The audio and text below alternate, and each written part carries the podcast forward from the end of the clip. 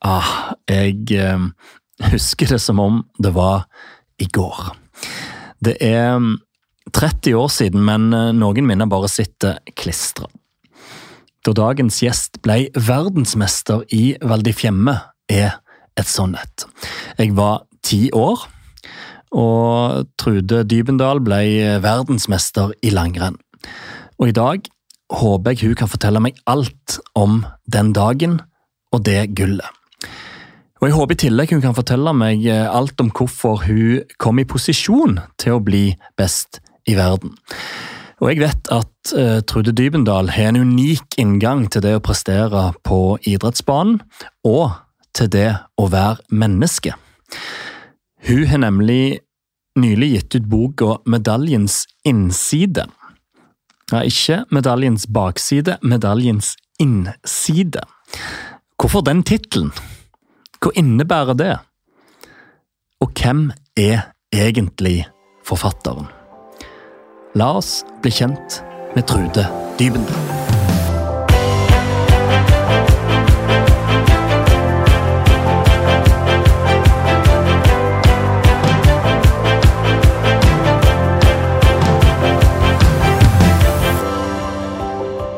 Navn? Trude Dybendal. Idrett? Langrenn. Moderklubb? Kjelsås, you! Første konkurranseminne? Da var jeg eh, akkurat blitt ni år. Det er på Harestua. Min far jobbet i elektrisk byrå, og dette var eh, den gangen vi var oppe og gikk dette bedriftsskirennet der oppe. Jeg hadde vært i Kjelsås i et halvt år. Begynt på skitrening. Og da hadde jeg den opplevelsen av at det er en som i flere år der hadde gått fortere enn meg. Ann-Kristin hadde alltid gått fortere enn meg. Alltid. Jeg var tross alt blitt ni år, ikke sant. Og denne gangen så gikk det så bra.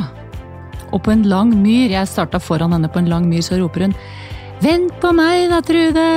Kom bak der. Og tenkte jeg snu meg. Vente? Nei, vet du hva. Da kom jeg i mål ganske langt foran henne på tiden. Og det var min første bevisste opplevelse av at jeg har øvd. Jeg har vært på skitrening. Ah, Det er den eneste forskjellen. Jeg har øvd. Det hjelper. interessant. Det vil jeg høre mer om. Største opplevelse på idrettsbanen? Det er ikke til å komme unna VM-gullet i 91. Ja, det starta med et sølv noen dager før, men eh, det var gullet som var målet. Og det kom etter en ganske brokete periode inn mot det VM-et, så det var fantastisk. Hjertelig velkommen til våre vinnere, Trude Dybendal. Takk.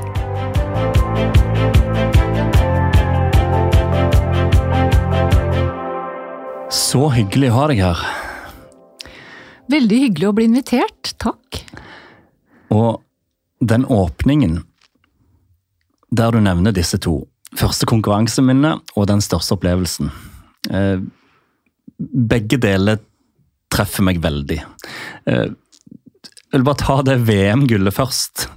For det eh, Da var jeg ti år og hadde heldigvis litt over 38 i feber, så jeg kunne være hjemme fra skolen.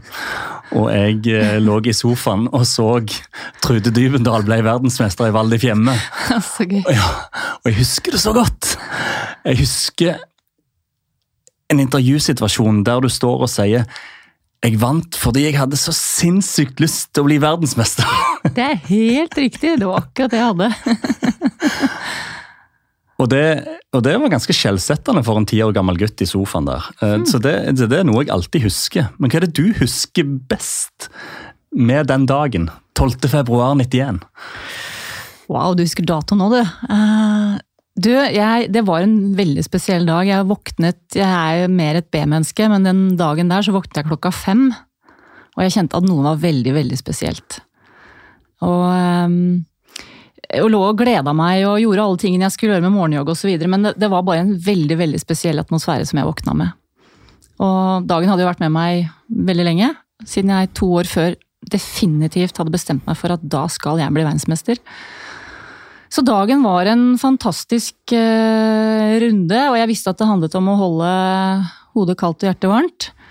Um, ikke stresse for mye osv. Hadde vært sjuk på vei inn, det hadde vært mye rart, men den dagen var bare en drøm, altså. Så jeg tror det å gå inn på stadion og egentlig vite at jeg kom til å bli verdensmester, selv om Kirvisnemi kom bak meg, men jeg visste jeg hadde gått så jækla fort og så bra. Eh, så selv på baktid så skjønte jeg at jeg, hun kan ikke ha gått like fort som meg. Jeg må ha økt det forspranget jeg hadde. Eh, så det var eh,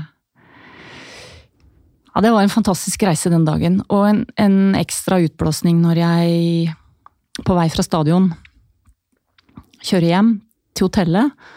Så vil Dagbladet ha et bilde med meg oppe i lia, så vi drar oppom for å ta et bilde der oppe. Kjører i transporteren til landslaget, da. Legen og jeg og sjåføren. Med Dagbladet bak. Og så kommer tårene. Eh, fordi det hadde vært veldig, veldig mye for meg den vinteren inn mot VM. Så da, da var liksom presset også slapp. Eh, det Jeg hadde nådd målet mitt, og det som hadde vært vanskelig, det var bare sånn pøste ut i en kjempegråt i transporteren der og da. Men det var fint. Hvordan er det å snakke om det nå? Ja, jeg får jo det er, det er, litt som å være der, faktisk. På en måte. Utenfor tid og rom. Og så er det er det nesten som å være der, faktisk. Og det er eh, Det var en, det var en, det var en morsom dag. Og, Det er en dag en har jobba så bevisst for. Siden jeg kanskje begynte på skitreninga og som tolvåring sa at jeg vil til OL en gang. Men, men den derre desiderte bestemmelsen to år før jeg sa at dette gidder jeg ikke lenger, eh, med to tolvteplasser i VM og øh, jeg fikk ikke gå stafetten. Dette gidder jeg ikke mer. Så den våren der når jeg bestemte meg for å bli verdensmester, da, da tuna veldig mye seg opp. Og det, det kulminerte jo den dagen. Og så er det gøy, for nå, 30 år etter, så Gud a meg, ja. er det 30 år, og jeg er ikke en dag eldre. Det er det rare. Ja, det er faktisk 30 år. 30 år? Det har jeg ikke tenkt på. Yes. Nei, det er 30-årsjubileum. Så har du gitt ut en bok. Ja. Som heter Medaljens innside. Og en av de setningene som går igjen i den boken, er at uh, da jeg bestemte meg for å bli verdensmester. og det syns jeg er så um, Det er en interessant setning. For hvordan, hvordan går det an å bestemme seg for noe sånn? Det er et godt spørsmål, for veldig mange tenker jo at uh, det å bestemme seg høres jo veldig sånn mentalkraftig ut, og 'jeg vil gjøre det, og kom igjen'. Men den bestemmelsen, den kom fra så mye, mye mer enn det. Den var bare sånn rosinen i pølsa, egentlig. Jeg kom ut av en sesong som hadde vært skikkelig skitt. Og det vil si med, med, mye prestasjonspress. Jeg var jo ikke helt jeg var jo ikke etablert eh, som en av de faste som liksom går VM-distanser og på laget. Så, så, jeg kom ut fra en sesong med disse to tolvteplassene, og det hadde ikke vært gøy. Det hadde vært alltid sånn prestasjonspress på å komme seg ut på World Cup, så du må prestere bra i Norge. Og så Og det samme så må du prestere bra i World Cup, selvfølgelig, ellers har du ikke noe i VM å gjøre. Men det var alltid den derre det mentale der, prestasjonspresset, som jeg tror mange mennesker i samfunnet i dag kan kjenne på. At vi skal prestere og levere. Og jeg kjente at det var ikke noe gøy. Det var, for det første fikk jeg ikke de resultatene jeg gjerne ville ha. Eh, og ehm, så hadde jeg heldigvis en kontrast. Kontraster i livet er fantastisk. For sesongen før hadde jeg vært i mitt første mesterskap, seniormesterskap, og funnet OL-sølv i stafett. Reiste som reserve og gikk meg inn på laget via et testløp. Og dro derfra fra OL hjem eh, før resten av langrennstroppen for å forberede meg til neste helgs World Cup. For jeg visste jeg var i knallform. Og det World Cup-rennet ble min første World Cup-seier i Falun. Ja, og dette da i 88? Det er i 88. Ja. Så der hadde jeg en sånn sesong som var herlig morsom. Den blei på opptur. og det er jo veldig gøy å gjøre noe du elsker og få det til. og Miljø, reisende, livsstilen, alt, liksom. Og så, og så klaffer det med det, noe av det gøyeste som er òg. Det var da å gå, gå, fort på ski. Det er fortsatt gøy å gå på ski, men jeg trenger ikke gå fort. Så denne sesongen etter ble jo en nedtursesong. Og dermed så sto jeg med to kontraster, og jeg sa enten så slutter jeg nå og begynner å studere fulltid. Men jeg er jo så glad i denne livsstilen og alt som ligger til det, å gå på ski. Og alt som skal til for å gå fort på ski. Det er jo et spennende puslespill. Alt som skjer inni deg, og alt som skal klaffe med utstyret, og alt du skal takle utenfor deg. Så jeg hadde så lyst til å ha det så fint igjen, og så gøy igjen, som jeg hadde hatt forrige sesong. Jeg ville ha det så fint i livet igjen. Og da fant jeg ut ja, men da må jeg skjerpe meg, da og bli god. Ordentlig god. Så det aldri er tvil om at jeg skal gå på et stafettlag, og jeg skal selv velge hvilke mesterskapsdistanser jeg vil gå. Da må jeg faktisk tune litt opp. Så det leda Det var passion som leda til bestemmelsen min. Og dermed så hadde jeg med meg en indre drivkraft. Ehm, så sier jeg kombinasjonen av måten å leve på, livsstilen, naturen, laget, reisene, en superherlig pott som jeg ville ha det beste ut av. Og fra den indre drivkraften, hvor mine talenter nok også fikk lov til å spille seg ut, så, så falt den derre Så kom viljen inn derpå. Um, og det skjedde jo i en visjon at det skiftet kom for meg, da. Som jeg deler litt om i boken. Mm. Men jeg, så jeg veldig, har erfart på kroppen hvor viktig indre drivkraft er. Og det å komme fra passion og glød og det jeg lengter etter, og hvordan jeg har lyst til å ha det og oppleve det. Og jeg tenker det er like viktig for i hverdagslivet, da. Ikke det å jage en prestasjon fordi vi tror vi ble lykkelige hvis vi fikk prestasjonen, eh, og kom i boks med den, men hvordan har jeg lyst til å ha det? Hvordan har jeg lyst til å oppleve livet? Hvordan har jeg lyst til at min hverdag skal være? Hvordan har jeg lyst til å kjenne meg? Oppleve det.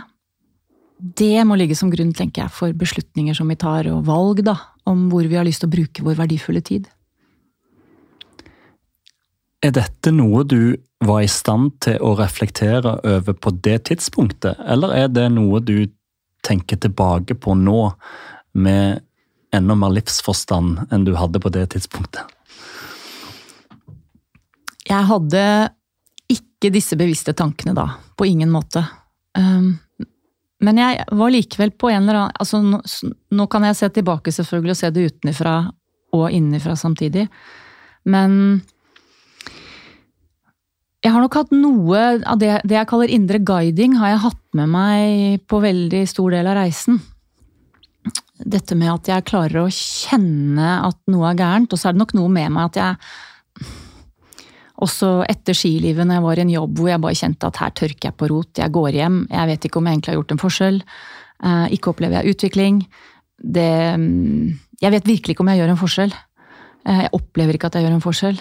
Um, og jeg kjente jeg tørka på rot, og den derre drua ble en rosin. Så igjen, da, da, da, da, skjønner jeg at jeg er i Nå må jeg, nå må jeg gjøre et valg. Sånn kan det ikke være. Og det er vel kanskje noe jeg har med meg, at jeg finner meg ikke i å liksom ha det sånn for lenge. Så i toppidretten, så, så, med det valget jeg var i, så var det jo Jeg hadde jo heldigvis denne kontrasten å se til. da. Jeg har lyst til å ha det morsommere, det skal ikke være så slit. Jeg har jo opplevd at livet ikke trenger å være sånn et slit. Jeg har jo opplevd livet i, i fin flow. Sånn har jeg lyst til å ha det igjen. Og med det ønsket um, med denne intensjonen, dette ønsket, som jeg sier er egentlig første nivå av å skape, så fikk jeg jo impulsene til meg, da. At hm Jeg går for å bli bedre. Og norske jenter var jo rundt i verdenstoppen, så det I en visjon så så jeg meg selv stå bak uh, Når jeg var den våren, da, når jeg bestemte meg, så ser jeg meg selv i en uh, At jeg plutselig står bak Jeg ser at jeg står bak ryggen til Anne Jaren. Hun var jo den forrige verdensmesteren vår, hun var nabo, vi trente mye sammen eh, og var jo på landslaget sammen. Og så ser jeg plutselig, Hun er litt høyere enn meg, så jeg ser at jeg står bak ryggen hennes. Litt sånn, litt sånn kummerlig bak ryggen. Ser jeg utenifra. Og så Plutselig så skifter bildet, så jeg er i meg selv i den visjonen. Og så, ser jeg at jeg tar, så tar jeg et steg ut til siden, og to steg fram, og da står jeg ved siden av henne. Så ser jeg opp på henne og tenker jeg hm, bare nikker til henne. Så er jeg to steg fram til og stiller meg inn foran henne. Og dette var ikke en sånn som man også kan gjøre, visualisering av hva jeg har lyst til å skape og få til. Dette var på en måte film som bare dukket opp inni meg. Og jeg tenker at det var da beslutningen falt dypt i meg. Jeg skal bli best. Og det var ikke fordi kjendis blablabla. Jeg vil ha det gøy igjen. Jeg ville ha, sant, gjøre det jeg elsker å gjøre. Og ha det fint på den veien. Så jeg har vel opplevd at eh, selv om jeg ikke er bevisst på alt mulig så spiller det opp noe inni meg, da. Og det er noe av det som jeg syns er viktig å dele om i medaljens innside. Hva som egentlig ligger bak og spiller i oss mennesker, som jeg, som jeg vet spiller i mange andre mennesker òg, men man, man, har aldri hørt om det, aldri lært om det. Eh, fra man var barn, så, så, så en blåser det bort, og det forsvinner litt i en travle hverdager osv. Men det er mye som skjer på vår innside som, eh, som jeg har lyst til å dele, da. Og i denne, i denne boken så beskriver du jo veien eh, fram til det VM-gullet, som til tross for at du bestemte deg, ikke var 100% sømløs. Nei. Eh, og du hadde annet en eh, ganske traumatisk opplevelse like før. Eh, kan du fortelle om den, og hva den gjorde med deg? Ja, altså jeg hadde det, det, første som er å si, som jeg syns er verdifullt å ha med seg, da, det var at den sesongen etter at jeg hadde bestemt meg, var en ren worldcupsesong. Uh, og det var fint, hadde jeg tenkt. Det er to år til VM, jeg trenger tida. Men allerede drøy halvt år etterpå så, så, var jeg jo på pallen i worldcuprenn. Um, og ble tre totalt i verdenscupen, selv om jeg hadde forferdelige skøyteski. Jeg hadde egentlig i prinsippet ikke kjangs i skøyting. Um, men det forteller meg, og det er, litt, og det er budskapet mitt, at det å bestemme seg for noe, det å ønske noe Du har så stort potensial. Og idet du bestemmer deg for noe, og, og, jeg tok jo noen konsekvenser av det, jeg satte fokus, jeg gjorde en god del endringer. Og det er viktig. Du må gjøre en del endringer mm. for å få det på noen annen måte enn du har hatt det før. Da har du også et sånt potensial som kan komme ut mye fortere enn du aner, altså. Men det handler om å bestemme seg og gjøre noen valg så kan jeg love at det kan skje ganske fort. Så det var det ene. Sesongen etterpå kom VM-et, og målet lå jo der. Ja, nei, da hadde jeg øh, Fem-seks uker før VM så tok jeg en abort. Og det det deler jeg litt om i boka. Eh, og essensen der er vel at jeg tenkte at jeg kunne bare skru av meg følelsen og løpe videre. Og sette fokus på det som jeg skulle gjøre for uh, treningsprogrammet og alt dette her. Men underveis her uh, så skrudde jeg faktisk av kontakten innover, den dype kontakten innover, hvor følelsen er hele nøkkelen. Våre sansende evner, som ligger til følelsene, de skrudde jeg av meg. Uh, for det var tøft å gå gjennom det der helt frivillig osv., men kjæresten og jeg var veldig enige om at vi skulle, ikke, vi skulle ikke bli foreldre nå. Så da fikk jeg jo en helt konkret opplevelse som, jeg, som hva skjer når du skrur av deg følelsene og går over på bare plain gjøre-modus og være flink og gjøre det programmet sier. Jeg, da svømte jeg stort. Og jeg hadde mista kontakten dyp av meg sjøl med den indre guidingen. Masse tvil kom inn, bekymringer. Jeg var skikkelig på bærtur. Brøyt uh, tremil i, i, Russland, det første worldcuprennet etter jul osv. Så, videre. så da var jeg langt, langt unna å kunne ta et VM-gull. Og da var jeg heller ikke bevisst det det er nå, i forhold til hvor viktige følelsene er. Vår skjulte superkraft, som jeg snakker om i boka. Og dette at vi er sansende vesener. Vi er uh, Husk, vårt første språk er følelser når vi fødes. Det er slik vi uttrykker det vi trenger, det vi liker. Vi er emosjonelle vesener, og det er hele nøkkelen i medaljens innside for virkelig å få kontakt med gullet ditt. Så jeg hadde en visjon en natt og fem uker før VM. Jeg la meg med Jeg er i så deep shit, hva gjør jeg nå? Mm. Så i boka deler jeg om en ganske spesiell visjon som kom til meg, hvor jeg ble guida ut av det jeg var i. Eh, og så tydelig at det var, jeg kom til å få hjelp. Um, og det var det ene. Um, det var jo fortrøstningsfullt til å komme videre. Og det andre var at jeg skjønte at jeg må så gjøre noen bevisste valg selv også for å komme videre. Så jeg brukte alt jeg så og fikk informasjon om i den visjonen. Og i løpet av få dager så var jeg skikkelig på plass i meg sjøl igjen. Um, og gull blei det. Ja, gull blei det. Ja.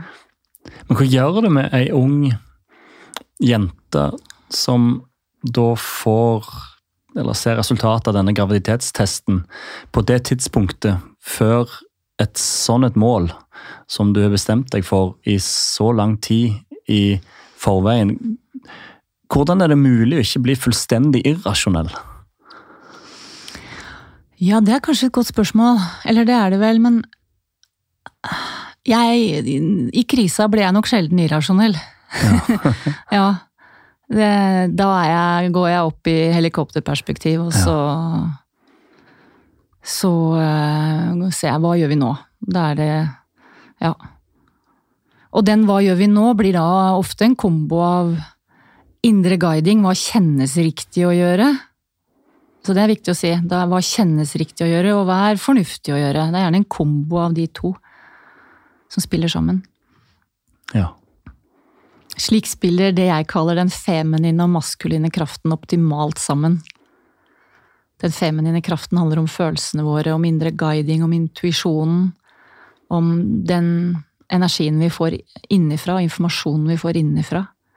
Og så blander vi den med Jeg sier den kommer gjennom hjertet. Og så kan vi blande den med hjernen, tankene, fornuften, erfaringene. Da spiller vi på det beste i oss selv, når vi kan spille på de to der. Både den feminine og maskuline kraften. Så jeg brukte vel begge deler på vei inn i det, men gjennom så skrudde jeg meg følelsene. For det var sånn tøft å være med, og jeg tenkte at jo Jeg ante ikke hvor viktig dette å ha den kontakten med følelsene var. Så jeg fikk jo en viktig livserfaring på det. Jeg, jeg var rett over i bekymringer og selvtvil. Um, og frustrasjoner, fordi jeg ikke hadde den indre kontakten. Og det kan jeg love deg, jeg hadde aldri vunnet VM med å være i en sånn tilstand. Så den tilstanden vi har der, den uh, er avgjørende for å kunne være på potensialet vårt, for å, for å gjøre de gode valgene. Og som jeg sier, å gå med tro og tillit. Steg for steg for steg. Du skriver i boka om at um, du opplevde en mangel på kommunikative egenskaper hos uh, trenerne og lederne du har hatt rundt deg. Uh, på den anerkjennende kommunikasjonen, på kjærligheten. Fikk du hjelp av noen i den situasjonen, eller var det deg sjøl som henta deg ut og opp og fram og i modus? Jeg fikk uh, god hjelp. Den som ble involvert, det var jo bare landslagstreneren og landslagslegen. Og klubbtreneren min. Ingen venninner. Uh, det var som bare la oss få dette gjort, liksom. Også og så foreldrene mine. Så de hjalp meg jo i det praktiske, og var der fysisk til stede, og, og det var fint. Veldig fint. Men når vi mennesker går gjennom krevende situasjoner, så er det helt naturlig at det kommer opp mye følelser. Og de følelsene var det ingen som hjalp meg å håndtere. Det var det ikke. For der er jo ikke verden, og det ser jeg fortsatt i stor grad Heldigvis er det mer tema nå. Med å Vi mennesker har mye på innsiden, og det de vonde følelsene, de må ventileres ut. De skaper sykdom i kroppen. De skaper energiblokkeringer i kroppen. Så nei, jeg fikk ikke konkret hjelp med det, og det er jo det som jeg tenker har vært Som jeg har sett har vært en veldig mangel i min karriere. Jeg ser at det er forskjeller nå. Olympiatoppen har andre tilbud i forhold til altså en Therese Johaug hadde ikke vært der hun er tilbake igjen uten å ha fått god hjelp til også å jobbe med det som skjer på innsiden. Eh, så kan du si en Petter Northug, han har kanskje Han fikk en litt trøblete vei. Der er det, ligger det også mye på innsiden som trenger å jobbes med. Og det kan jeg si, fordi at det, det er åpenbart. Mm. Så jeg ønsker jo gutten godt videre og håper han har kommet godt videre. Men det er å være menneske. Vi, vi går alle, møter alle tøffe situasjoner som er krevende for oss fra vi er små barn og oppover. Og det gir oss noen indre sår. Og det er klart, som leder, trener, så skal man jo ha Hvis en ikke er trent i og vant til å møte egne følelser, så klarer du aldri å møte andre mennesker og deres følelser. For det blir for skremmende. Man er ikke vant til det, kan ikke håndtere det. Så Og det gjør jo alt litt fattigere, da. Det blir litt mer avstand mellom oss mennesker. Så vi skulle ikke være så redd for de følelsene. De er eh, Det er superviktig å lufte de ut. Det er, og årsakene om det deler jeg mye om i boka. Og det er menneskelig å ha dette her, men å gå og bære på det, som sagt, det kan bringe Det bringer energetiske ubalanser i kroppen. I energisystemene våre, som til slutt også setter seg i kroppen som vondter og plager. Og det tynger oss ned. Det gjør oss Det, gjør, det, gjør at, det tar oss bort fra det potensialet vi har til å være oppriktig gladere, lettere, mer kreative. Vi kan jo gå og spille og leke oss glad, liksom. ikke sant? Og kjøpe oss noe fint, og nå ble, følte jeg meg fin. Ehm, men det blir litt sånn å pisse i buksa. Ja. Men frykten for, frykten for denne åpenheten, eh, mangelen på å ja, komme ut med følelsene og være seg sjøl, er, er, det mulig å relatere til det som nå skjer i denne vektdebatten som det er mye snakk om, der langrennsløpere brenner inne med mye som de kanskje burde ha prata om rundt dette med vekt. Er det en sammenheng der? Jeg tror sammenhengen er stikkord følelser. Um, og dette med spektproblematikk, spiseproblemer, det det er jo ikke bare i idretten, ikke sant? det er jo i samfunnet. Mm. Um, så jeg tenker, og det, og det, er så sammensatt at det, det er en av grunnene tror jeg, at det er vanskelig å snakke om. Fordi det er som en tåkedott. eller sånn, Du kan gripe tak i noe og noe, men det er bare at det er noe annet også. Sånn jeg ser det, så tenker jeg at det er en um, Kjernen og hele essensen av den problematikken er at det er mennesker som Slik det er for de aller fleste av oss mennesker, at vi ikke er glad i oss selv. Vi skal fylle vår egen kopp med at vi verdsetter oss selv, er glad i oss selv. Og det å si at jeg elsker meg selv er jo vel høyt, ikke sant. Men jeg verdsetter meg selv, da. Det, det er kanskje lettere å svølge den. Og når vi ikke helt gjør det, jeg snakker om det i boken min, dette med jakten på kjærligheten. Jakten på å bli anerkjent, bli sett, bli verdsatt. Um, oppleve at vi har en betydning. Det er jo noe som ligger i oss alle. Eh, og den koppen der skal vi egentlig fylle selv. Med at jeg liker meg selv, enten jeg lykkes eller ikke. Eh, og jeg er glad i meg selv, jeg med de feilene og skavankene jeg har. Jeg er bare menneske. Ingen av oss er perfekte. Um, så med det som manko, og det er man da gjerne ikke bevisst på selv, men denne dama har reist en vei og blitt en del bevisst på en del ting. Um, så jeg, er Jeg har heller ikke vært glad i meg selv. Ehm, dette her er jo avarter vi alle har. Men det å Når vi ikke fyller vår egen kopp med det, så blir det fort til at vi starter jakten på kjærlighet, som jeg sier, ute i verden. Og da blir det å prestere bra viktig. Fordi det gir oss jo noe bak navnet vårt. Det står noe på CV-en. Ehm, vi får oppmerksomheten utenfra som nærer oss på en måte som vi ikke har klart å nære oss selv. Og på den veien så ser jeg at det er lett å ty til mat og det man putter i munnen for, for å prestere og, og, få den anerkjennelsen, da. Som man ikke klarer å gi seg selv. Fordi litt sånn syretesten på det er for meg at hvis jeg er ordentlig glad i meg selv, og kroppen min er en del av meg selv, da vil jeg jo ikke behandle den dårlig. Nei. Hvis jeg er ordentlig glad i meg selv, så vil jeg jo at kroppen skal være sunn og frisk og, og eh, få de næringsstoffene den trenger, sånn at jeg kan være en bra både 30, 40, 80 og 90-åring. Så der tror jeg det ligger en kjerne.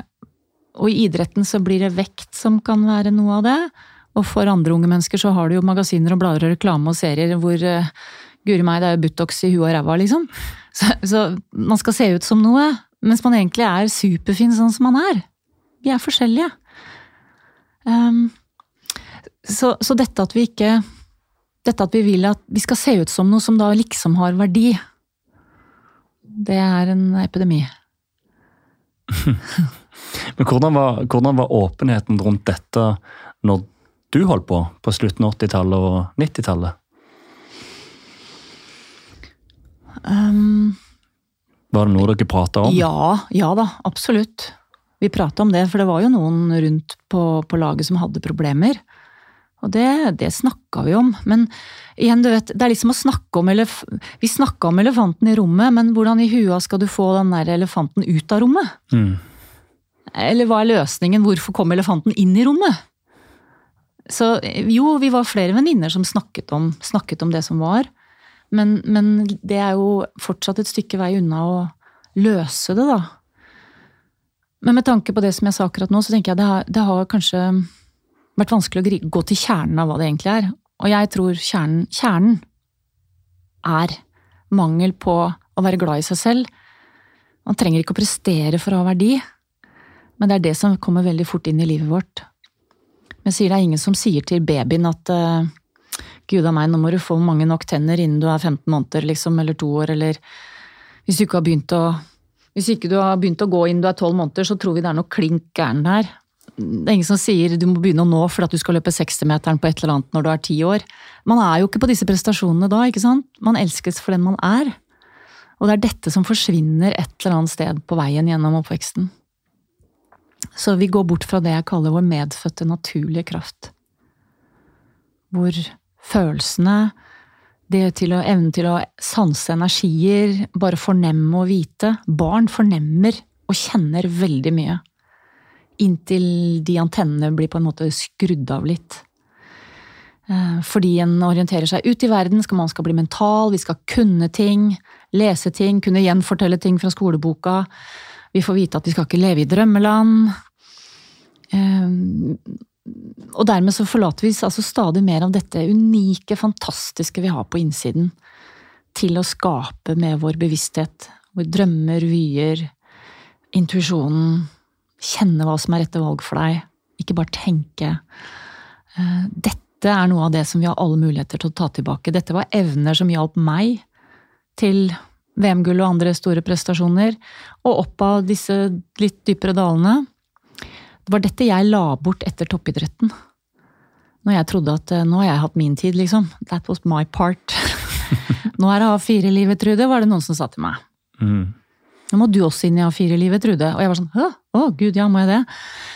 Så for jeg jo inn i mann og barn og, og den pakka der, og veldig mange av det jeg kaller sånn kvinneprogrammer. Eh, Være omsorgsfull, stå, bære, løfte, trøste, ordne, fikse. Eh, For mange gjorde at jeg glemte meg sjøl helt. Og gradvis så, så Ja, ved et par anledninger var jeg tett på å gå på veggen også. Fordi jeg også glemte disse, denne medfødte naturlige kraften som vi er født med. Som vi vandrer bort fra gjennom eh, barneårene og oppveksten.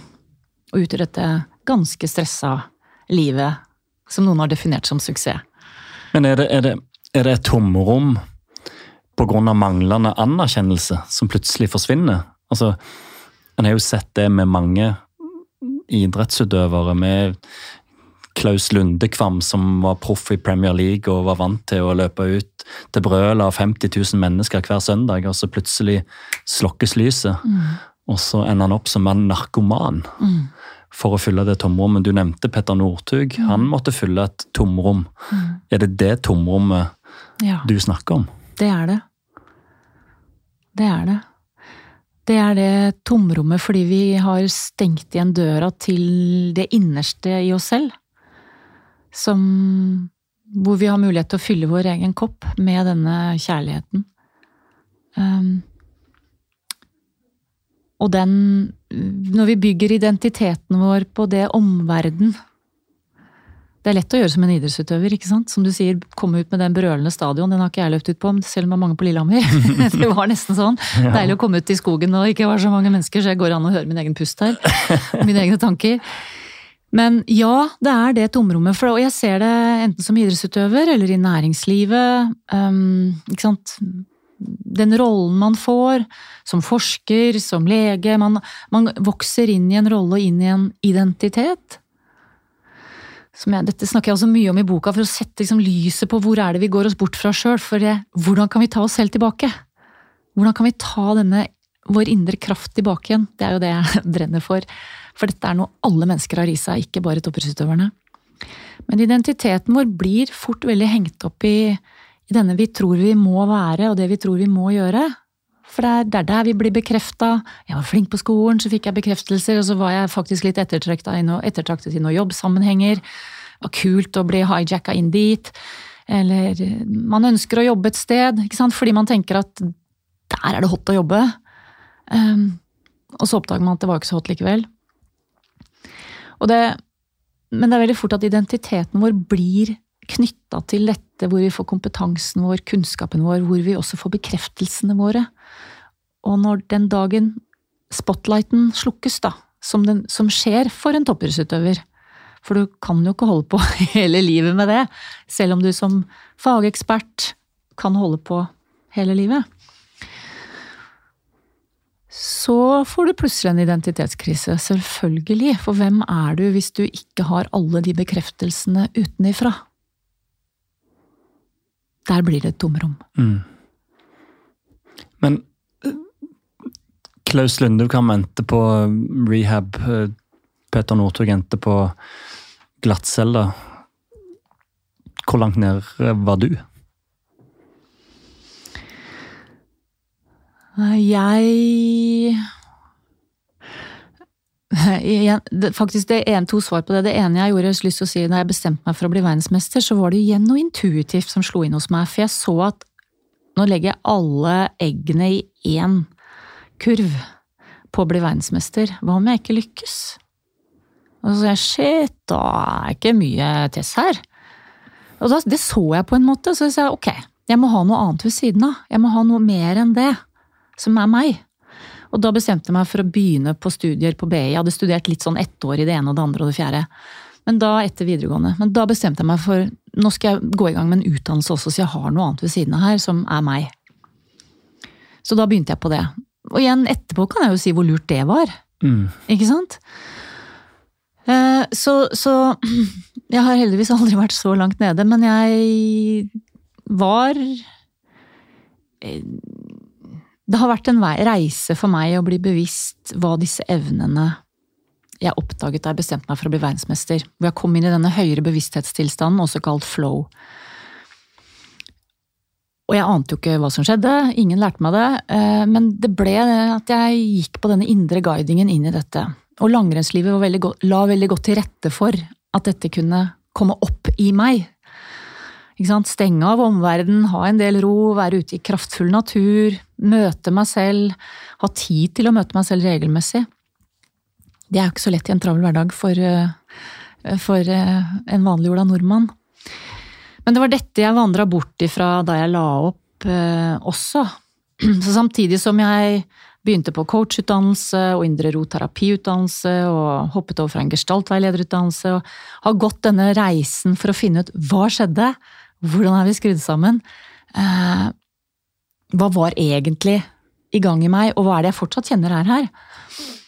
Likevel så levde jeg på disse sannhetene som jeg kaller tankeprogrammer om hvem skal vi være, og hvordan skal vi leve, og dette firelivet, og jeg smalt jo inn i det, og gikk veldig mye bort ifra essensene av det å leve i et balansert liv som toppidrettsutøver. Med innsats, hvile. Øh, gjøre mye, men også trekke meg tilbake for å sortere. Tenke og reflektere, men også kjenne. Så en gang var jeg i ferd med å møte veggen, men da stoppa jeg sånn i tide, og så tenkte jeg at jeg fikk dratt meg tilbake. Men den siste gangen, da så jeg meg selv dette om på kjøkkengulvet. Det var en ganske grå novemberdag. Og da Det var noen år etter skilsmissen, og jeg, gutta var hos faren sin, og jeg kom hjem med bæreposene fra handlinga og bare Da slurra det til null. Um, ja, jeg deler litt om den i boken. Og, og det, ble, det, ble, et vendepunkt for meg, hvor jeg bare skjønte at nå Det holder ikke med de grepene jeg har gjort, det er noe som er hakke gærent her. Og da fikk jeg noen nye De siste viktige treffene med meg selv. Hva er det jeg, hva er det som ikke er sant i livet mitt her? Hvor er det jeg lever på en illusjon? For det, dette kan ikke være riktig. At jeg, sterke skijenta, ikke har energi igjen, og ikke livs... Altså Livsglede Nja, det gikk på det jevne, det var jo hyggelige ting, men jeg, bare sånn, jeg måtte bare erkjenne at dette er ikke Dette er ikke liv laga.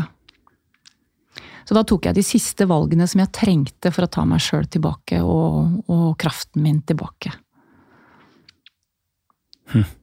Og det i praksis ble en liten prosess for meg. Den var ikke gjort på 0,0, fordi jeg var i mange utfordringer i livet mitt med syke foreldre og ja, det var mange sånne ting på det personlige planet. Knakk skulderen og fikk frozen shoulder. og liksom, Det var bare sånn litt møl på møl som gjorde at det var vanskelig å sprette opp i happy go lucky.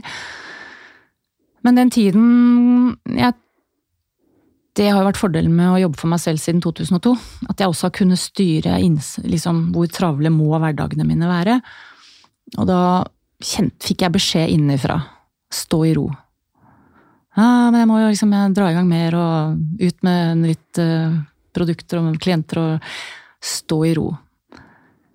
Um, så det jeg har brukt en del tid på å møte meg sjøl, og tankemønstre og gamle sannheter som jeg levde etter, som var destruktive og som tok rotta på energien min og livsgleden min, um, som jeg fikk snurra ut. Jeg så hvor de kom fra, og sa dette er ikke med meg lenger. Litt snørr og tårer og, og Men eh, det er verdt det. Det er viktig å kikke på, snu noen steiner i livet, og så sortere. Hvordan har du det nå, da? 30 år etter du passerte målstreken i veldig fjemme.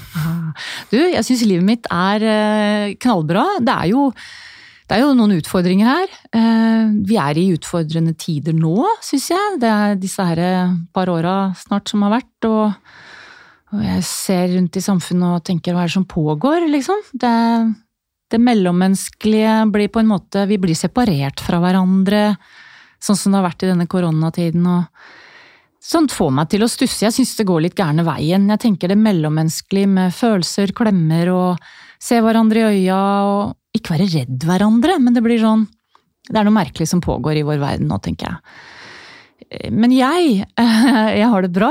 Jeg lever som jeg har lært, og tar tida til eh, å lade og sortere og tenker at vi, alle vi mennesker har en reise å gå. Livet er en fantastisk læremester, så um, og jeg holder på med ting som jeg syns er spennende og viktig. Jeg er veldig Boka som kommer ut nå, 'Medaljens innside Finn din indre balanse og skaperkraft', kom til meg på en skitur i 2008 på Sjusjøen. Så jeg er så glad og fornøyd for at den endelig er ute. Den skulle ikke ut før nå, men det har vært ti, ti gangers manus gjennom disse årene. Men da var jeg igjen på en skitur og der på, på, fjellet i 208 og veldig opptatt av disse tankene, hvordan vi For tankene forkludrer det veldig til oss, disse sannhetene i gåseøynene. Hvor det er masse bekymringer og frykt osv. Det er en killer, altså. Og da var det jeg kjente at det er så viktig for meg å dele hvordan vi blir programmert med tanker fra vi plumper ut i denne verden, og våre foreldre har en del sannheter, og vet, mor er bekymra for å måkke fryse eller måkke ditt eller måkke datt. Altså, vi overfører tankemønstre til barna våre. Og vi får det fra kulturen rundt oss, osv. Og, og det er en av grunnene til at vi mister kraften vår. Og hvordan dette skjer, Og hvordan vi kan gjøre noe med det, det sto jeg den der, på den skituren i en drikkepause. Og så dumpet to ord inn i hodet mitt. Og det var medaljens innside. Jeg må dele hvilke fantastiske indre evner vi har. Og hvordan man kan få kontakt med de, og ikke minst liksom, hvorfor går vi oss bort fra dem? Som er en forutsetning å forstå for at du skal kunne ta dem inn igjen. Og det er vel essensen av det jeg eh, har erfart selv, både den gode og den tyngre veien, og, og nå deler. Og dette anvender jeg i mitt eget liv. Så ja, livet er bra til tross for at det er endringer, til tross for at det er utfordringer. Um, det er ikke til å komme utenom. Vi er mennesker som lever, eh, lever og da, da sender livet noen utfordringer. Men som jeg deler om i boka, hvordan din personlige endringskraft kan styrkes, hva den er, og hvordan den kan styrkes, det, det er til god hjelp, altså. Når vi nå lever dette livet som er endringer. Jeg har jo lurt på hvor den tittelen kom fra. Medaljens innside. Altså medaljens bakside hører vi om alltid. Medaljens framside er jo den vi ser. Eh, men gjennom det du har pratet om i hele denne podkasten, og det du forteller nå, så er det jo lett å skjønne hvorfor det ble medaljens innside. Men det jeg lurer på, er hvor mye av denne kraften, disse egenskapene, disse evnene Hadde du, eller var du bevisst på da du gikk i mål som niåring der for Kjelsås? I dette første konkurranseminnet ditt. Hadde du folk rundt deg som var bevisst på dette da? Um, nei. Jeg har vært heldig og hatt langrenn som min idrett, og da er man jo utrolig knytta til naturen. Og naturen er kraftfull. Det er hjem. Jeg mener, Vi mennesker henger så sammen med naturen. Så den tenker jeg har hjulpet meg veldig til å beholde denne kontakten. Som niåring var det ikke så aktivt, men jeg hadde faktisk en tante som var veldig opptatt av dette indre. Altså kunne gå til litt synske personer og, og så videre. Så der opplevde jeg en del, og har fått prata litt sånne rare opplevelser. Min mor nordfra, det vet finnmarkinger, det, det skjer ting. Skjer ting i kaffegruten der òg. så, så, også via min mor eh, så var det noen opplevelser, også særlig gjennom tante, hvor en del, eh, en del opplevelser har vært hvor jeg var som elleveåring i, i Vest-India og på besøk hos henne og satt hos en eh, ja, hva skal jeg si, ja, sjamanen i landsbyen, eller landsbyens kloke, han ringte på bjellene og påkalte åndene. Og ja, jeg har hatt en god del opplevelser som har vært sånn jeg har fått lov til å være med på. Og så har jeg Har jeg opplevd så mye uforklarlig selv som har hjulpet meg. At jeg vet at det er noe mer enn den fysiske verden utenfor oss. Og jeg er ikke en religiøs person. Jeg sier heller at jeg tenker at kirken og religionene skaper masse frykt. Og dytter oss mennesker ned. For frykt er lave energifrekvenser. Alt er energi, sa Einstein. Lærte oss. Alt er energi. Før det kommer inn i fysisk form. Følelsene våre er energi. Ikke sant? Radiobølgene som går fra mobiltelefon til mobiltelefon, er energi. Vi ser dem ikke, men de er der. Så den usynlige verden er, er større enn den fysiske verden. Og den har jeg hatt mye kontakt med opp igjennom. Denne energiverden. Hvor indre guidingen også kommer fra. Hmm, og det Det her er jo ikke noe vi har lært om gjennom oppveksten. Det er ikke noe vi lærer på gjennom skoleverket. Men jeg sier det er helt avgjørende for å kunne komme godt gjennom endringer. Å gå med det jeg sier tro og tillit. Det er, ganske, det er en høy energifrekvens. Hvis du går med 'ja, dette tror jeg går bra', 'dette går fint', 'jeg har en god følelse', eh, 'oi, nå trøbler jeg litt', 'shit, hva gjør jeg nå', hmm. men, men, likevel søke løsning og, og, være i den energien. Jeg er sikker på at du kan kjenne på at det er en annen energi enn å være 'å, fy flate, dette tror jeg går dårlig', altså'. Nei, nei, nei, nei. Hva kommer til å skje nå? Tenk om det blir regn i morgen? Jeg er ikke god på klisterføre, altså. Da går du ned, kan du høre med en gang. Og den såkalte law of attraction, som, som mange har hørt om etter boka The Secret. Denne energiverdenen hvor den sier at den energifrekvensen du er i, den sender du ut. Og du vil tiltrekke deg hendelser på samme energifrekvens tilbake, for er, det er sånn magnetisme. Og er vi da nede og mm, så Du får ikke så mange gode smil når du sjøl er litt grumpy, for å si det sånn. Så den energitilstanden vi går med Jeg hadde jo aldri blitt verdensmester med bekymringer og selvtvil, og ingen klarer å prestere bra på det. Da skal du ha 20 stykker rundt deg som setter deg opp på pidestallen, og som kunstig, gir deg kunstig åndedrett da, og får deg til å prestere. Men du står ikke der på beina dine sjøl. Så du klarer aldri å prestere så bra som du egentlig kan når du har kraften innenfra. Så det å kunne vandre framover med denne indre guidingen som jeg har kontakt med, som ikke handler om som jeg sier, religion, men det er en kraft vi er en del av via kvantefeltet. Kvantefysikken er superduper spennende snakker om det i boka. Jeg tror, tror, tror, på å kunne forklare ting på en forståelig måte og sette større brikker sammen, sånn at vi, vi mennesker vi er så mye, og vi har så mye med oss som vi ikke har lært om. Som jeg oppdaget gjennom toppidretten, og jeg oppdaget gjennom hverdagslivet etterpå.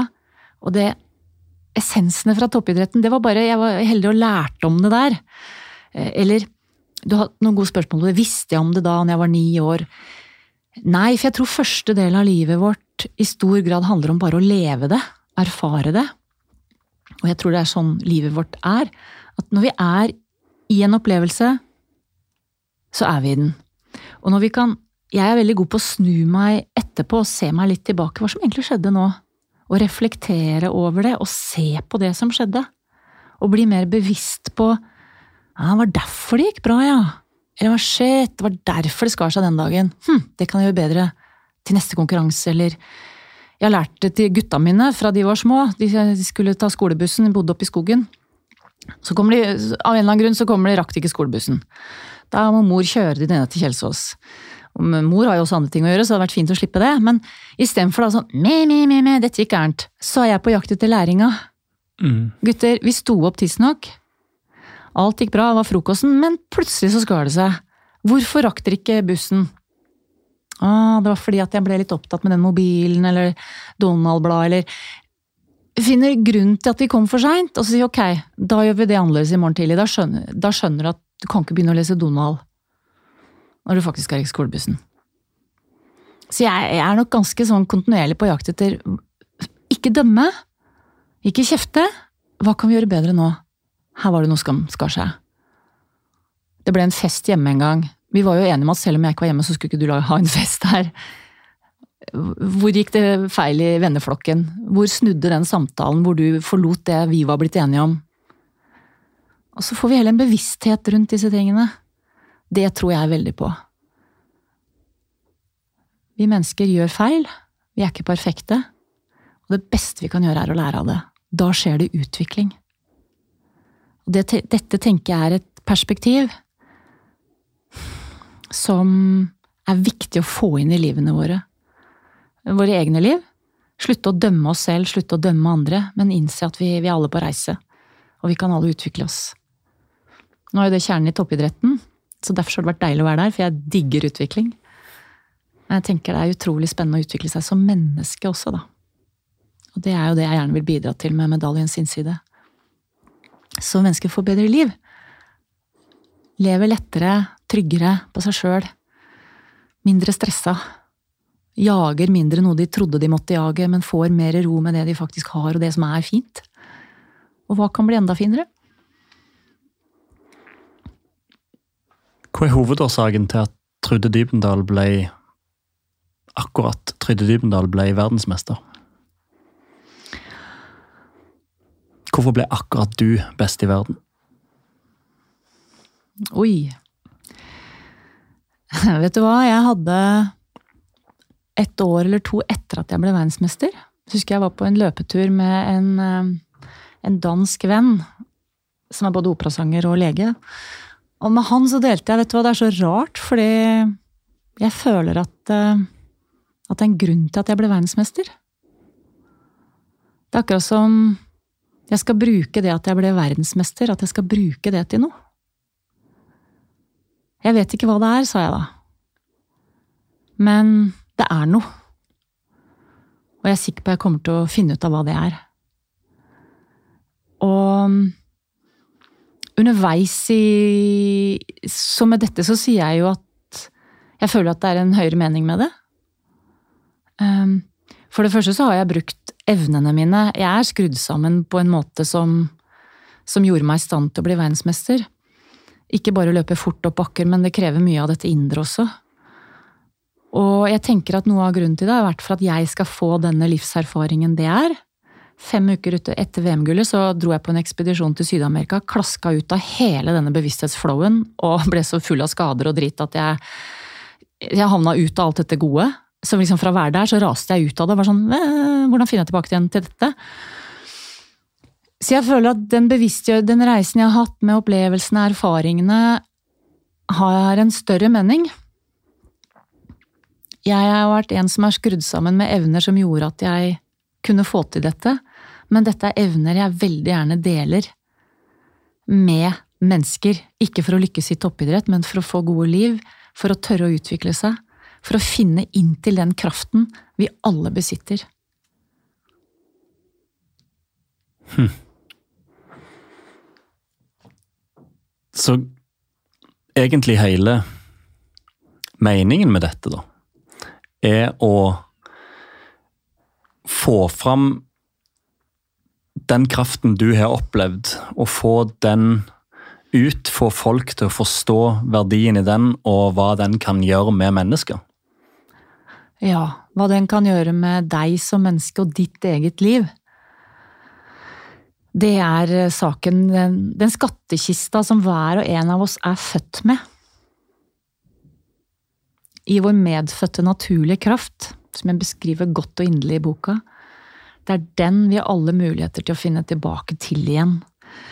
Og som sagt, ikke fordi at det, Alle kan ikke kjøre som Lasse Kjus ned heng i Kitzbühel, eller, eller, mye mildere saker enn det, eller løpe fort opp bakker osv. Det er ikke det det handler om, men det er de evnene vi alle har, som vår medfødte naturlige kraft, som var så fullt i spill i meg i toppidretten.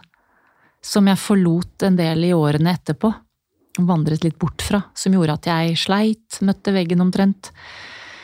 Mista gnisten, livet var bø, både tja javne, så langt borte fra den, den, gløden og gleden og lettheten som vi hadde kjent i idrett. Men jeg tenkte ja, ja, jeg var jo en del av livet mitt, ferdig med det, liksom. Før jeg til slutt skjønte nei, jeg kan ikke være ferdig med det. Det kan ikke være meningen at livet ikke skal ha mye mer av dette herlige inni seg igjen. Så det ble å plukke det tilbake. Og dette er noe som gjør reisen framover veldig annerledes for folk, da i essens å slippe å gå med frykt og bekymringer og uro og selvtvil. Det er det som du kan komme bort fra når du finner inn til denne naturlige kraften som du er født med. For å si, livet blir en helt annen reise. Hvis du kan gå med tro og tillit. Jeg sier da kommer du til å oppleve tro, tillit og tryllestøv.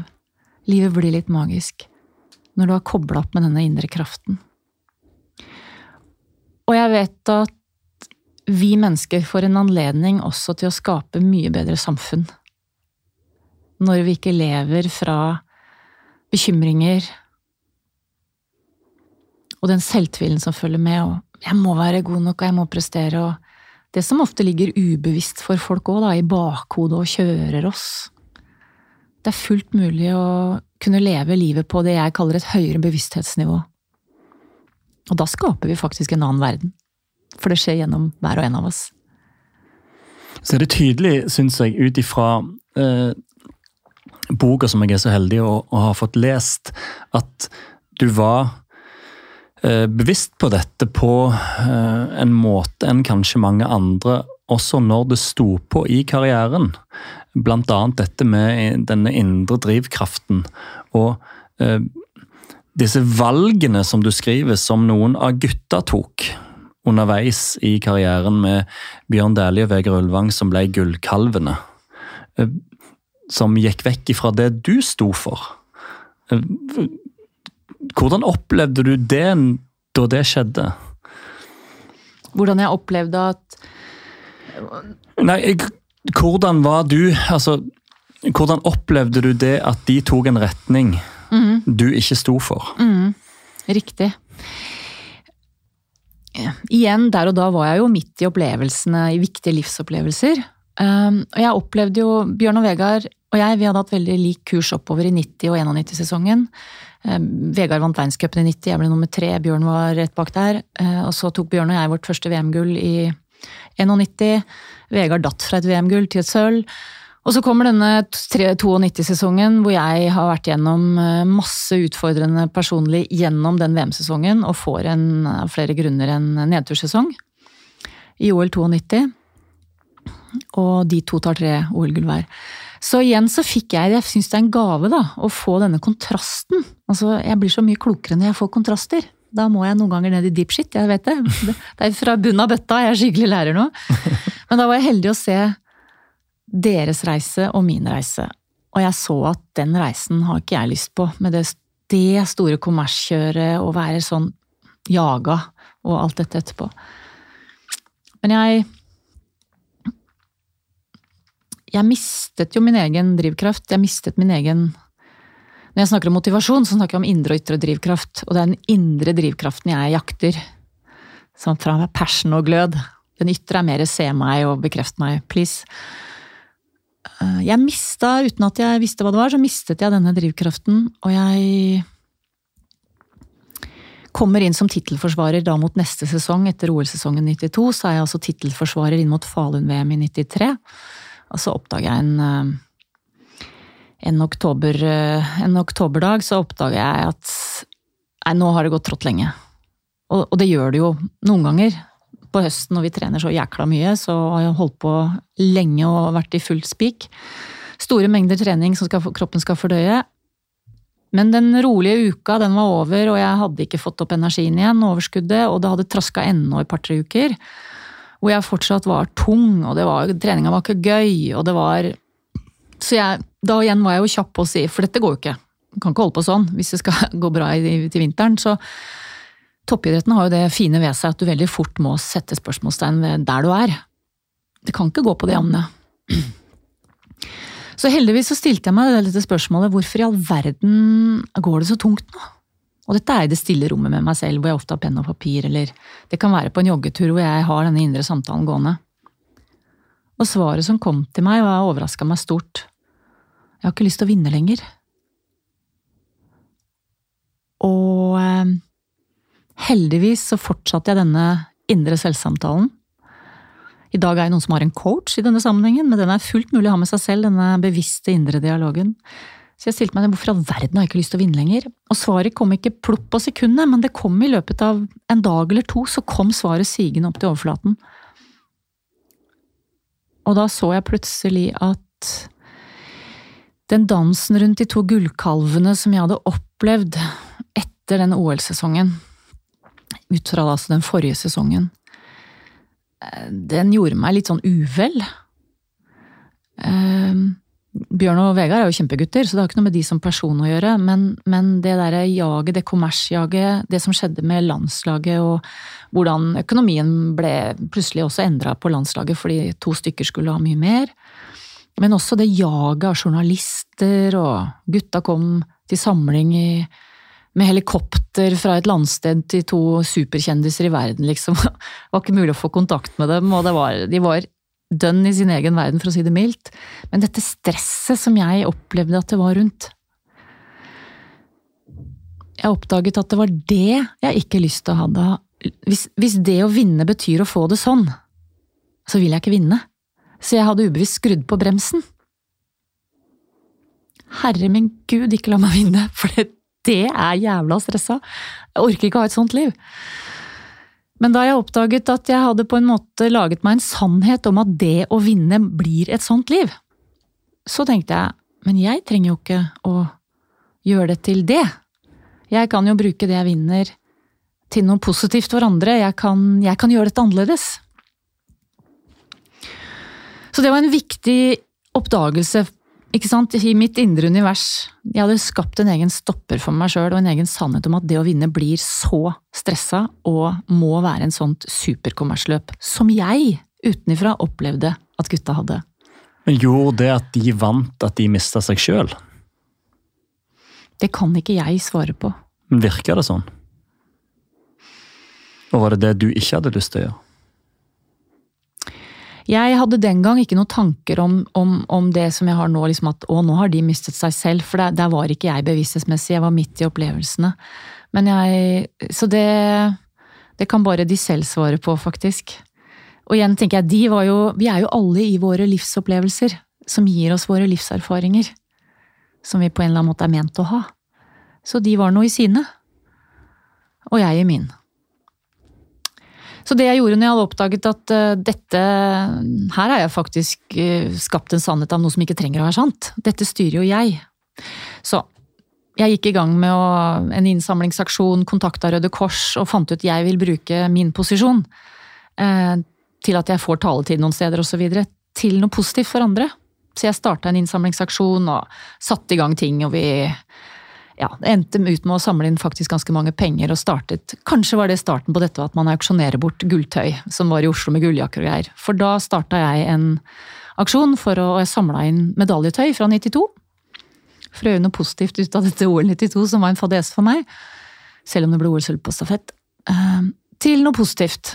Så samlet, jeg samla inn medaljetøy fra Bjørn og Vegard og fra noen alpinister og fra kombinert og hopp. og Det ble en auksjon på TV 2 med Fredan og VG. Dan Børge Akerø. Så vi fikk samla inn ganske bra med penger, og jeg vet ikke, var det halvannen, to millioner eller et eller annet. Og fikk sendt ned til da eks-Jugoslavia, var det den gangen. Så, så, jeg kan love deg, jeg fikk indre drivkraft igjen. Skikkelig den høsten. Så det er mulig, og derfor er som jeg sier, er så viktig å oppdage om du er liksom går på en slurr, som jeg sier. Det er så viktig i hverdagen vår også. Livet skal ikke bare gå på en slurr. Vi skal, vi skal, finne mye, vi skal ha mye å gledes over, noe som liksom gir oss sånn mening til å slenge dyna til sida om morgenen og, og, gå i gang med dagen vår. Det er viktig, og, tror jeg, å jakte litt på. Ikke jakte sånn febrilsk, men bare sånn Livet blir så mye morsommere da. Og rikere. Du sa du fikk et svar til deg sjøl om at du ikke ønska å vinne. Mm. At du ikke hadde den lysten til å vinne lenger. Mm. Var det sånn at du mista vinneren i deg, eller var det sånn at du ble en annen type vinner? Godt spørsmål. Mm, vet du, jeg, jeg, har alltid hatt uh, det å hjelpe andre med meg. Uh, Sterkt. Da jeg var tolv år, så var jeg i Guatemala og åpna vannposter og skoler. Jeg var speider, og året før så hadde jeg samla inn penger med å rake løv og lufte hunder eh, via speiderjobben, eh, som ble sendt, sendt til de jordskjelvrammede indianerne i Guatemala.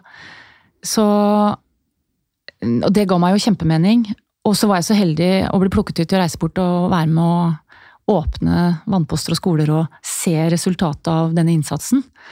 Så det var ganske skjellsettende. Eh, både å være i slummen i Guatemala City, oppe hos indianerne, maya-indianerne oppe i fjellene så dette har alltid vært med meg, egentlig, og plutselig så så jeg jo mm, at jeg kunne Fikk en anledning til å kanskje bruke dette enda mer, da. Via det jeg hadde erfart, at jeg fikk taletid og oppmerksomhet, og det hadde jeg lyst til å bruke til noe bra. Så jeg hentet nok bare det opp igjen, tenker jeg. Så det mm. var jo viktig, heldigvis, så kjente jeg at jeg har jo ikke drivkraft lenger. Jeg har jo ikke Dette er ikke gøy lenger. Dette er tungt dette, dette, Nå sleper jeg beina her. Hvorfor? Så det er så viktig å ha dette anvendt i hverdagslivet, da, tenker jeg. Det er så viktig å gi seg selv anledning til å ha noe tomrom i hverdagslivet. Hvit tid, som jeg kaller det. Slik at en klarer å kjenne etter hvordan har jeg det egentlig nå? Og tørre å si hvis en kjenner det er ikke helt greit, det er litt sånn gå på en slurr. Da er det så viktig å si hva er det som gjør at livet mitt er litt på en slurr? Og tørre å være nysgjerrig på det. Og ha, sette av nok tid til møte med deg sjøl til å gå litt i møte med det. Rusle en tur i skogen eller i parken. Skru av nyhetene, for guds skyld. det er jo fryktporno de luxe. Er det noe som tar energien vår ned, så er det jo all den frykten som pumpes ut i massemediene. Så det er det lenge siden jeg bevisst gjorde noe valg om, som jeg gjorde i toppidretten. Ikke les alle disse mediene, for de mener så mye om deg. Skru av det. Skru av podkaster, skru av alt noen ganger, og bare ha møte med deg sjøl. Det kan være fryktelig uvant i starten, men det er virkelig gull å, å trene seg litt opp til å klare. Og naturen er et fantastisk sted å gjøre det. Eller godstolen med bare litt stearinlys og koselig å bare være. Ha tid til å kjede oss litt. Og ikke minst stille oss selv disse gode spørsmålene, da. Gjennom boka så kommer jeg med en del spørsmål underveis som kan være disse fine refleksjonsspørsmålene som åpner opp for litt terreng innover, da, i en selv. Avslutningsvis, i 1988 så bestemte du deg for å bli verdensmester. I 1989, 1989, helt Uten at det er veldig viktig. bestemte ja, du deg. Jo, det er viktig. Rett skal være rett. Ja. Har du bestemt deg for å bli noe nå? Du, altså. ja, jeg har jo det, vet du. Eh, Jeg Det gir meg veldig stor mening i å Nå ble jeg faktisk kjenner jeg at jeg blir litt sånn rørt her. Um, det gir meg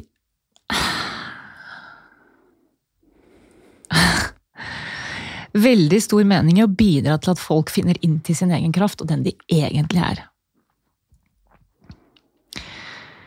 For jeg vet at livet kan bli en så mye hyggeligere og bedre reise ved å komme ut av denne lavere energifrekvensene og det bevissthetsnivået hvor frykt, bekymringer, uro og selvtvil og det jaget og vi må levere og Jeg vet at det har Jeg kaller det gamleverden.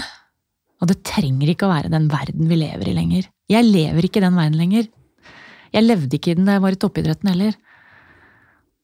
Og jeg brenner for at folk skal virkelig få finne den medfødte, naturlige kraften tilbake og bringe den tilbake inn i eget liv. For det er den måten vi finner inn til indre balanse i oss selv på. Og det er en helt annen reise. Å skulle reise med å oppleve mening. At hverdagen har mening. Trivsel og gode punkter. At relasjonene blir bedre. Det er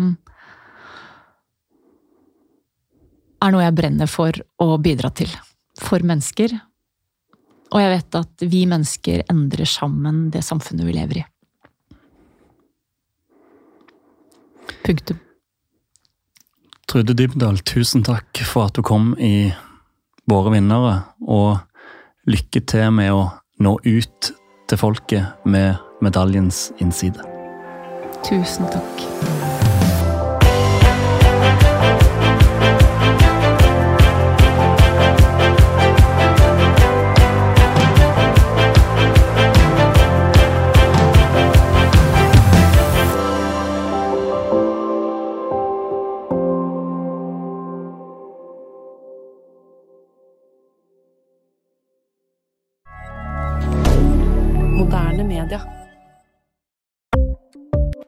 Ukens annonsør er Folio, en smartere banktjeneste for deg som har en egen bedrift eller ønsker å starte for deg selv.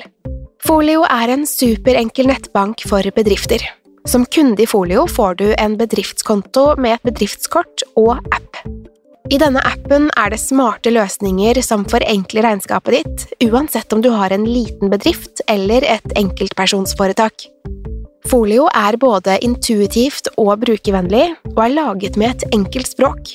I tillegg tilbyr de forutsigbare priser og ingen skjulte gebyrer. Skulle du likevel trenge det, så kan du snakke med deres raske og hyggelige kundeservice, og der får du prate med en faktisk person og ikke en chatbot. Folio er med andre ord både enklere og koseligere enn banken.